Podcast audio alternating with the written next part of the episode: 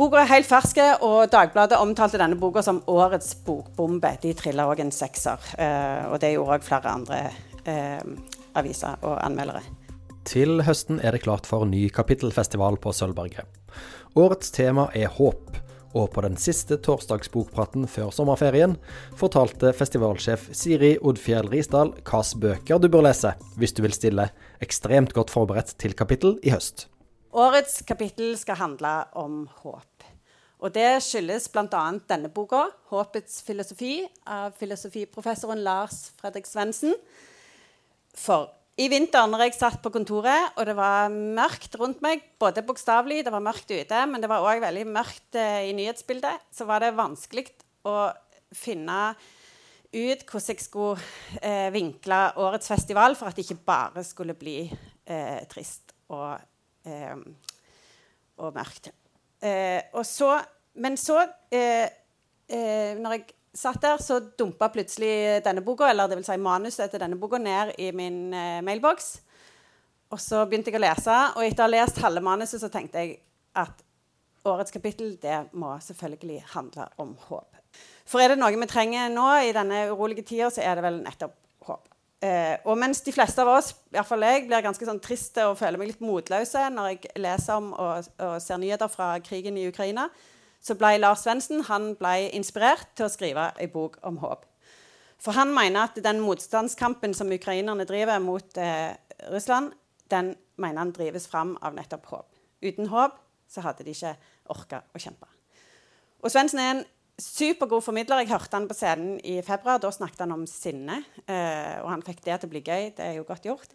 Eh, men han er òg en god formidler i bokform. Eh, og boka er til tross for litt sånn kanskje tørr eh, eh, eh, så er det en veldig lettleste bok. Og han er full av hverdagslige eksempler som, som gir oss et bedre bilde av hva håp er, men òg hva håp ikke er.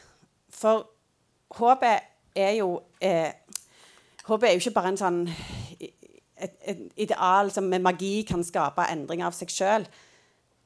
Eh, som Svendsen forklarer, så er det den iboende kraften som håpet rommer, eh, og som ikke trenger mer enn en bitte liten sprekk av usikkerhet for å slippe inn i mørket, som kan gi oss styrke til å kjempe for endring. Så jeg vet ikke om dere kjenner Cohen-sitatet Leonard Cohen, om at lyset slipper inn der sprekkene er. Og Svendsen mener at, at håpet det slipper inn hvis det er bitte litt tvil. Og Kapittel er jo en medisin mot skråsikkerhet. Vi ønsker at folk skal tvile og tenke og være usikre, og så tilegne seg ny kunnskap og tenke sjøl. Og da lager vi jo nettopp rom for håp. Yes.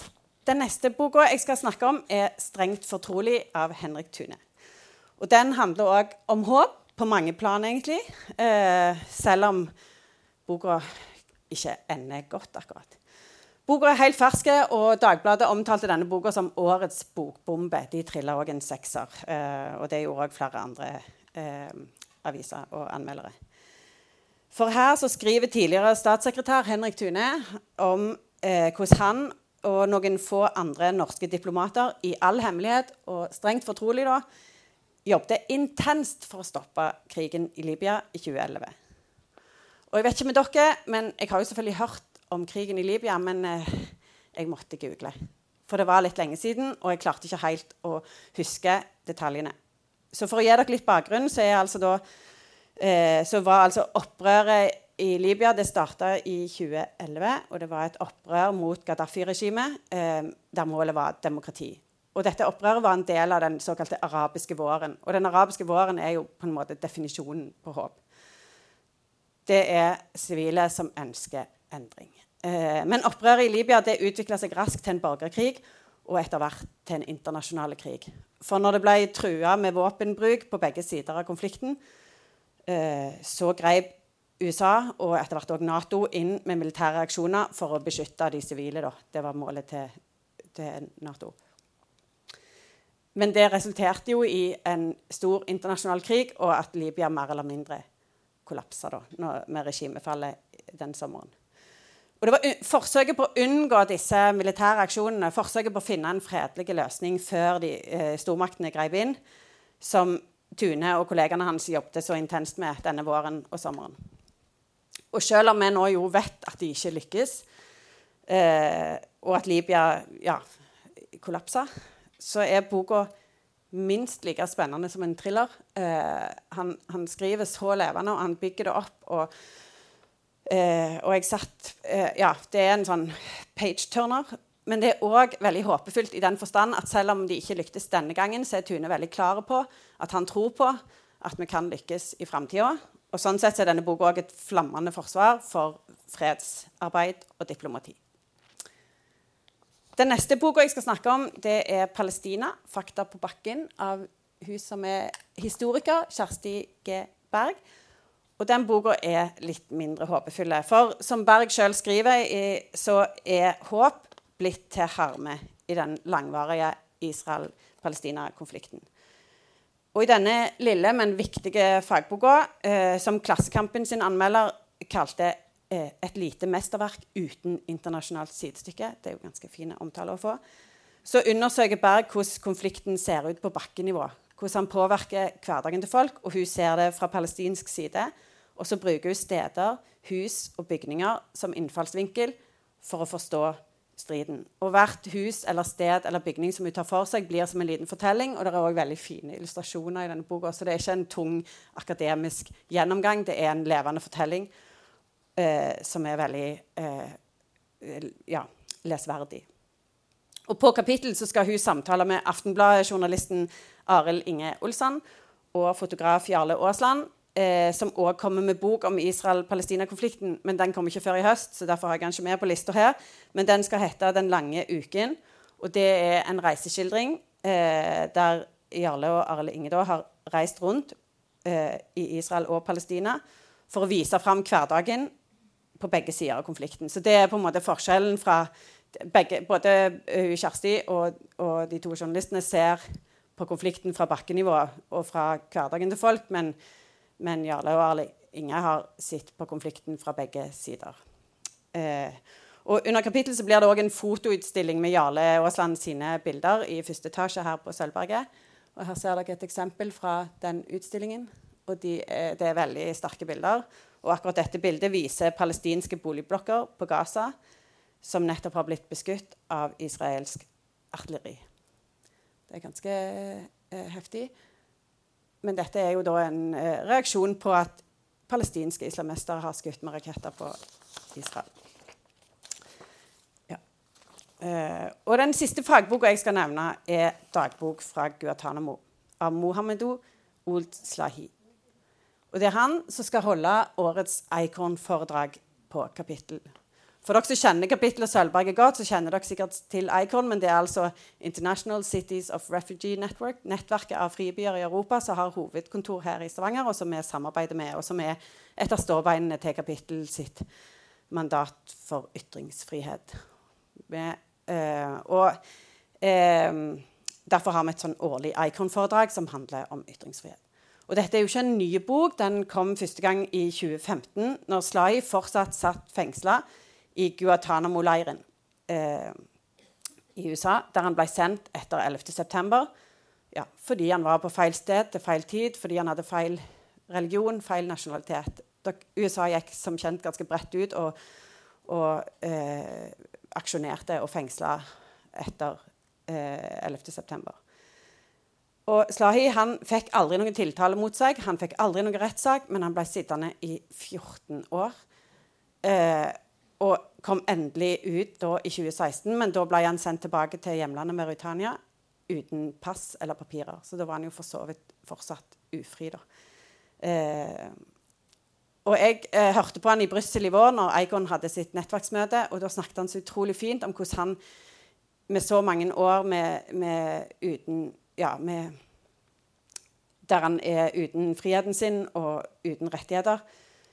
Til slutt måtte liksom redefinere ordet frihet og, og, finne ut en ny måte å tenke om det på. Og han fant ut at hvis han klarte å jobbe med tilgivelse, så ble han på en måte fri. Hvis han klarte å fristille seg fra sitt eget sinne mot den urettferdigheten som var blitt gjort mot han. da. Um, så Derfor tenker jeg at han var veldig relevant å invitere til kapittel. Og nå var det også endelig mulig å invitere han, for nå er han blitt Icon-forfatter i Amsterdam. Eh, så nå kan han reise hit. Eh, Og boka er, eh, Siden han ble løslatt, så har boka blitt en internasjonal bestselger. Eh, og det er ganske eh, Og det er forståelig, for den er veldig god, men det er rystende lesing. Og det er basert på hans dagboknotater fra han satt inne. Og når han først ble gitt ut, så var det masse sensur. Det var masse ting som ikke, ikke eh, gikk gjennom. Eh, for det dette, han skildrer grov tortur og veldig mange brudd på menneskerettigheter. Men det er en viktig bok, så ja. Så det er ikke en lett bok å ta med på stranden, altså, men det er en veldig viktig bok, og det er en bok som viser fram verdien av en rettsstat. Og så ble òg boka filmatisert. Den kom i 2021, The Mauritanian. Eh, og den har bl.a. Judy Foster i hovedrollen, og det er en vanvittig sterk film. Eh, og den viser en historie om en mann som aldri gir opp håpet. Så den ligger tilgjengelig på jeg husker ikke hvilken strømmetjeneste, men jeg anbefaler dere å se den en kveld det regner i sommer. For den er veldig fin. Ja, kan ikke sitte inne og se film nå når det er så fint vær. Men Sly eh, kommer altså til kapittelet, og det er vi veldig stolte av. Eh, og så er det en av de andre forfatterne vi er skikkelig stolte av at kommer til kapittelet i år. Og det er denne fransk-marokkanske forfatterstjernen, må jeg vel eh, si, uh, Leila Slimani. Noen av dere husker kanskje 'Vuggesang', som var en sånn psykologisk thriller om en barnepike som gjør helt forferdelige ting. Jeg skal ikke røpe plottet hvis dere har lyst til å lese den òg. Men denne boka solgte altså over én million eksemplarer bare i Frankrike. Og så er han jo da oversatt til 40 språk. Og, og ga han faktisk henne da den prestisjefylte Goncourt-prisen, som er liksom den største franske litterære prisen. Og hun har fått en rekke andre utmerkelser, og eh, president eh, Macron har utnevnt henne til å være sin personlige eh, representant for fransk kultur og språk. Og, ja. Eh, men hun har òg blitt tildelt Simone de Beauvoir-prisen for sitt engasjement for kvinner sine rettigheter. Og, så hun er en veldig uh, ja, hylla forfatter, men hun er òg en veldig kul forfatter som snakker fra et sånn utenforskap-perspektiv. Um, og hun har eh, da bl.a. uttalt eh, at Women all live in the land of others, for they live in the land of men. Og første bind i hennes nye romantriologi, som hun nå er aktuell med på norsk, den, eh, som også, eh, da, men som og som i motsetning til Vuggesang er basert på hennes egen familiehistorie, så har den, det første bindet nettopp tittelen 'De andres land'. Og Her følger vi franske Mathilde, som forelsker seg i marokkanske Amine når han da er eh, offiser i den franske hæren under andre verdenskrig. Og Etter krigen så følger han tilbake til Marokko. De skal drive familiegården hans og stifte familie. Men Mathilde blir møtt av motstand fra alle kanter. Hun, hun opplever hverdagsrasisme fra det franske kolonistyret. Marokko var jo en fransk koloni etter, eh, på den tida. Eh, for de liker ikke et fransk-marokkansk ekteskap. Men på den andre siden så blir hun møtt av de patriarkalske holdningene til de innfødte marokkanske eh, innbyggerne. Eh, men Mathilde gir ikke opp. Og i bind to, 'Se oss danse, som kom i år, så er det datteren Aisha sin historie vi får følge. Og nå er året blitt 1968, og Aisha har vært student i Frankrike. Og sammen med de andre studentene har hun stått på barrikadene og, og kjempa for endring. Eh, og så kommer hun tilbake til hjemlandet Marokko etter en studietid, og så finner hun et stokk konservativt samfunn som ikke vil endre seg. Og så står hun på en måte i den spagaten mellom sin egen kultur og ønsker om endring. Og Det er både en sånn veldig vakker familiesaga. Jeg ble veldig grepet av skjebnene til både Mathilde og Aisha. Men det er òg et superviktig stykke feministisk europahistorie og kolonihistorie. Og så kommer vi til en av mine favoritter i år, hvis det er lov å si. da. Jeg liker jo alle disse bøkene, det er jo derfor jeg har valgt dem ut. Men svenske Ia Genberg hun fikk Augustprisen for romanen 'Detaljene'. Og Her i Norge så har boka blitt omtalt som en sylskarp 90-tallsroman. Eh, og Det kan jo være derfor jeg liker den ekstra godt. Det er utrolig mange fine 90-tallsreferanser, men, eh, men, det er ikke bare det som gjør denne boka så god. Han utspiller seg hovedsakelig i København og Gøteborg, men siste del tar, der tar forfatteren faktisk en liten svipptur til Stavanger. Det er litt gøy. Og det gjør hun jo òg i september. Hun kommer òg til kapittel, eh, så det blir fint. Eh, og vi følger en dame som, som, ligger i sengen og har veldig høy feber. Og det gjør at hun begynner å assosiere tilbake eh, til fire mennesker som har eh, hatt veldig stor betydning i hennes liv. Eh, og de fire menneskene har på en måte fått hver sin del i boka. Eh, og Johan, eh, første del handler om Johanna, som hun ble fullstendig bergtatt av og raskt innleda et forhold til, men som eh, forsvinner fullstendig like plutselig. Eh, så hun hadde to sånne litt uforutsigbare sider. Og så er del to om Nikki, som skaper drama rundt seg overalt. Og så handler del tre om Alejandro, som hun òg forelsker seg veldig sånn stormfullt i. Og det forholdet varte veldig kort, men det starta en ny tidsregning for henne. Og Siste del handler om Birgitte, og det er da de som, ja, Birgitte er preget av et traume, og det preger òg deres relasjon. Eh, men det er da de da reiser til Stavanger en tur. Boka er veldig eh, lettleste. Eh, men språket er helt mesterlig. Hun har så fine setninger. Jeg ble liksom sittende og lese om igjen om igjen på noen av de formuleringene hun brukte. Eh, og, og, fortsatt sitter det liksom litt i kroppen, de der, for hun, hun skriver så allmennmenneskelig om om relasjoner. Jeg tror Bernhard Ellefsen i Morgenbladet skrev sånn Går det an å skrive en så sterk bok om, om, bare forholdet mellom fire folk? Ja, det gjør det. Oppsummerte han. Og For å gi dere et eksempel på disse setningene som hun er så god på, så skriver hun et sted Det tror jeg er i den delen som handler om Alejandro, for da har hun jo veldig kjærlighetssorg. Håpet har det best på bar, særlig når det svinner. Hvem har vel ikke drukna sorgene sine i en øl på baren? Ja. Eh, den neste boka eh, skal jeg ikke si så mye om, for den tenker jeg bare at dere må lese. For etter Sannhets- og forsoningskommisjonen sin ganske nedslående rapport så tenker jeg at denne diktsamlingen 'Hjerteskog' den bør være obligatoriske lesing. Den er skrevet av kvenske M. Seppola Simonsen. Og Diktsamlingen vant fortjent Tarjei Vesaas debutantpris i år. Og Det er en veldig sånn sørgmodig hyllest til den nordnorske naturen og den kvenske kulturen, som jo er i ferd med å forsvinne, og, kvenske, og det kvenske språket. Og Diktene er veldig sånn korte øh, og harde. Og boka er veldig fort lest. Jeg kan vise etterpå det er lite tekst. Men ordene de biter seg liksom fast. Og, og jeg tenker at, at, det er ord vi alle bør ha med oss. Uh, og jeg tenkte som et eksempel da, at jeg skulle lese dette diktet her, som handler om en mor og en bestemor. Min mor forsvinner ned i avgrunnen hvor språket tømmes, hvor min bestemor venter i mørket. Stumt kan de finne hverandre, kjenne grovheten på fingrene og håpe at de blir de to siste generasjonene i sluket. Så jeg lovte jeg skulle vise, men dere ser det går fort å lese, og det er en viktig bok å lese. Um, skal jeg bare komme meg til neste side her. Eh, en annen favoritt for meg i år er denne romanen her. 'Diamantkvelder' av Hilde Rød-Larsen. Dette er en sterk metoo-fortelling basert på forfatteren sine egne erfaringer. Det har hun vært åpen på. Og boka skapte massiv debatt, eh, men, men, først når den ble oversatt til dansk. For der ga hun et intervju til dansk presse, og dermed begynte debatten å rulle. Og til slutt førte det til at det ble oppretta en tilsynssak mot en kjent norsk psykiater. Jeg skal ikke gå inn på detaljene i den debatten her, det er ikke rettferdig. Eh, men dere kan lese om det sjøl hvis dere er interessert. Men uavhengig av hva man måtte mene om denne debatten, så skriver Rød-Larsen i denne romanen glitrende om kompleksiteten i en metoo-relasjon. Og stille noen veldig viktige spørsmål tenker jeg for deg, om hva det vil si å være et offer. Og Boka handler om Agnete. Hun er eh, voksen. Har en, en datter som eh, er ung voksen. Og har det egentlig greit, men så begynner hun å miste håret. Og tilsynelatende helt uten grunn. Eh, hun feiler liksom ingenting.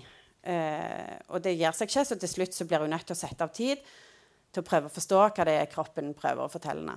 Eh, og så begynner hun å skrive om et traume som hendte henne eh, som ung student i England. Eh, så vi får på en måte to fortellinger og veksler mellom den unge Agnete og den voksne Agnete. Eh, ja.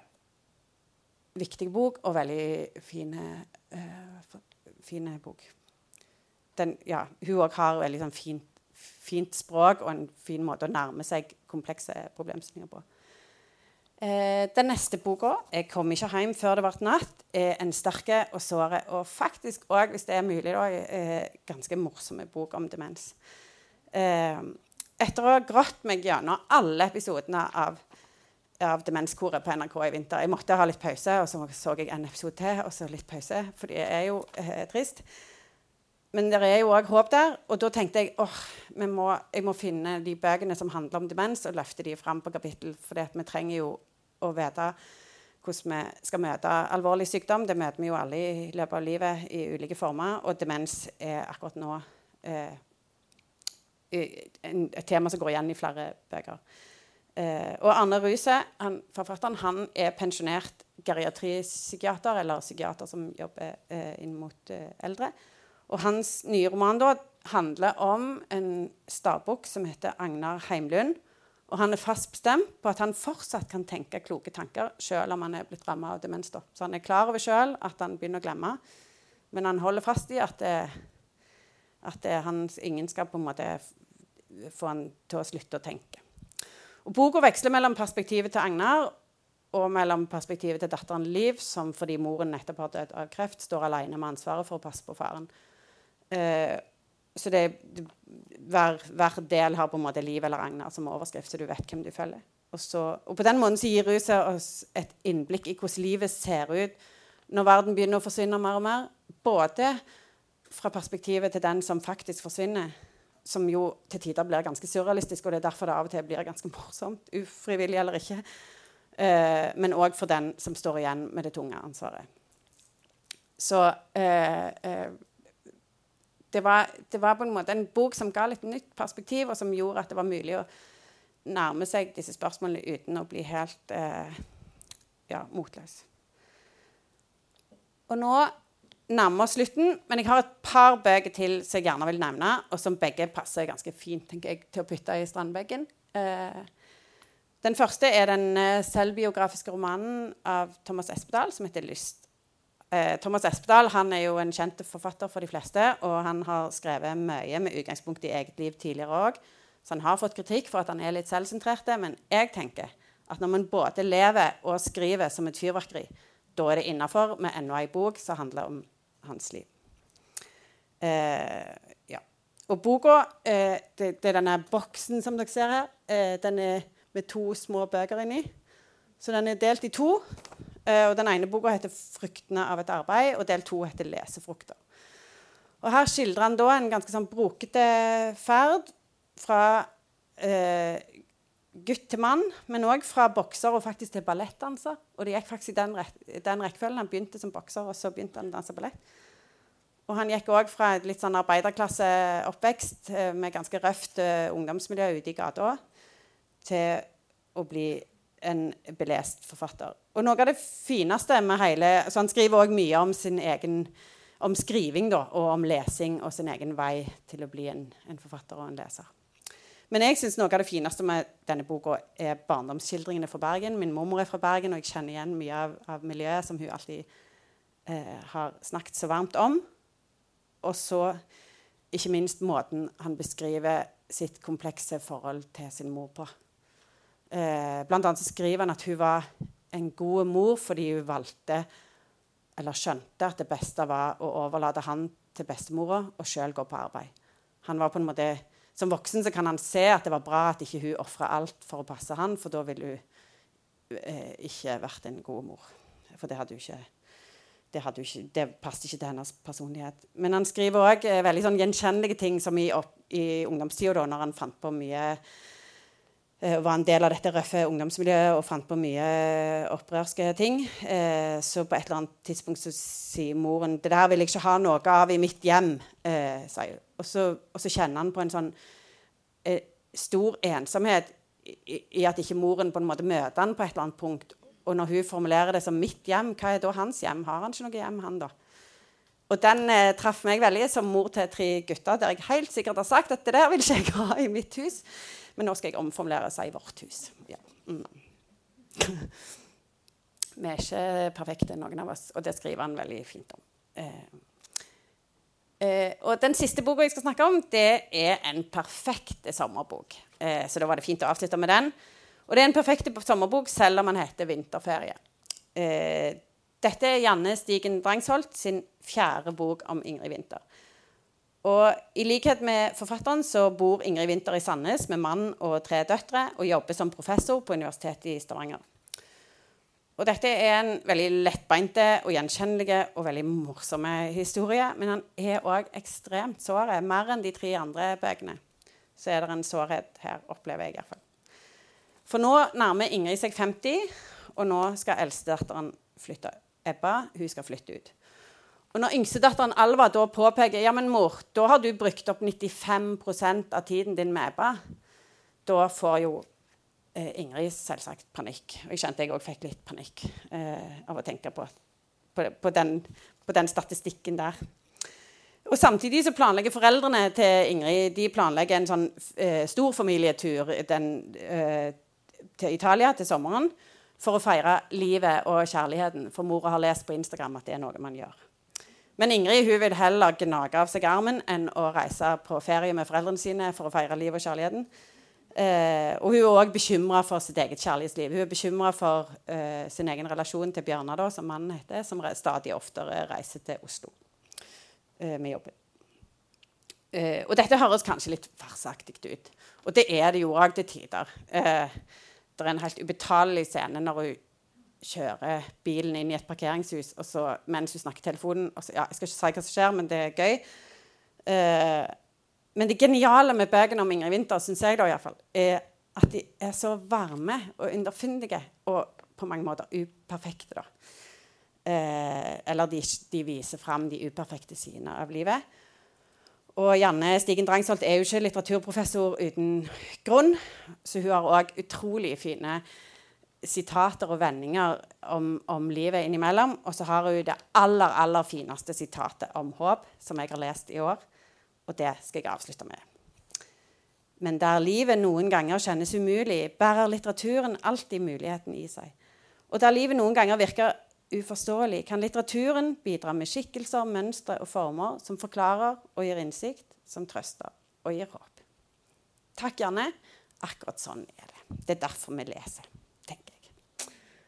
Eh, og så er det en bok som ikke har kommet ennå, så den skal jeg ikke snakke om. Men jeg skal bare minne om, eller fortelle at Lars Saabye Christensen blir 70 år i september. Faktisk den uka kapittel skjer. Og vi er kjempestolte og veldig glad for at han har sagt ja til å komme og feire 70 år på kapittelsen Kapittels avslutningskveld søndag 24.9.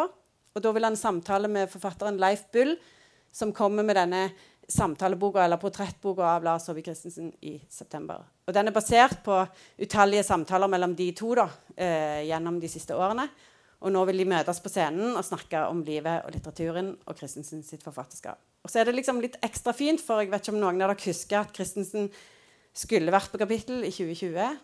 Eh, og da var det jo mange avlysninger pga. korona, men Lars Saabye Christensen måtte avlyse fordi han var dødssyk og ikke visste om han noen gang kom til å bli frisk igjen, eller om han noen gang kom til å skrive igjen. Og nå er han både frisk, og han er ikke bare aktuell med denne samtaleboka, han kommer òg med ny roman i september som heter 'Vrakeren'. Så det gleder vi oss til, og det ligger der eh, billetter tilgjengelig til nå av det arrangementet. Eh, og så skal vi jo òg eh, eh, få besøk av Kari Bremnes, som sikkert mange av dere kjenner til, og som jeg spilte litt eh, musikk fra når dere kom inn i dag. Lørdag kveld på Tau, og det ligger der òg billetter ute til. Og hun har òg en veldig fin sang om håp. Så nå når dere alle går ut, så spiller jeg den sangen. Så kan dere ta den med dere ut i sommeren og ha en håpefull og fin lesesommer. Takk for meg.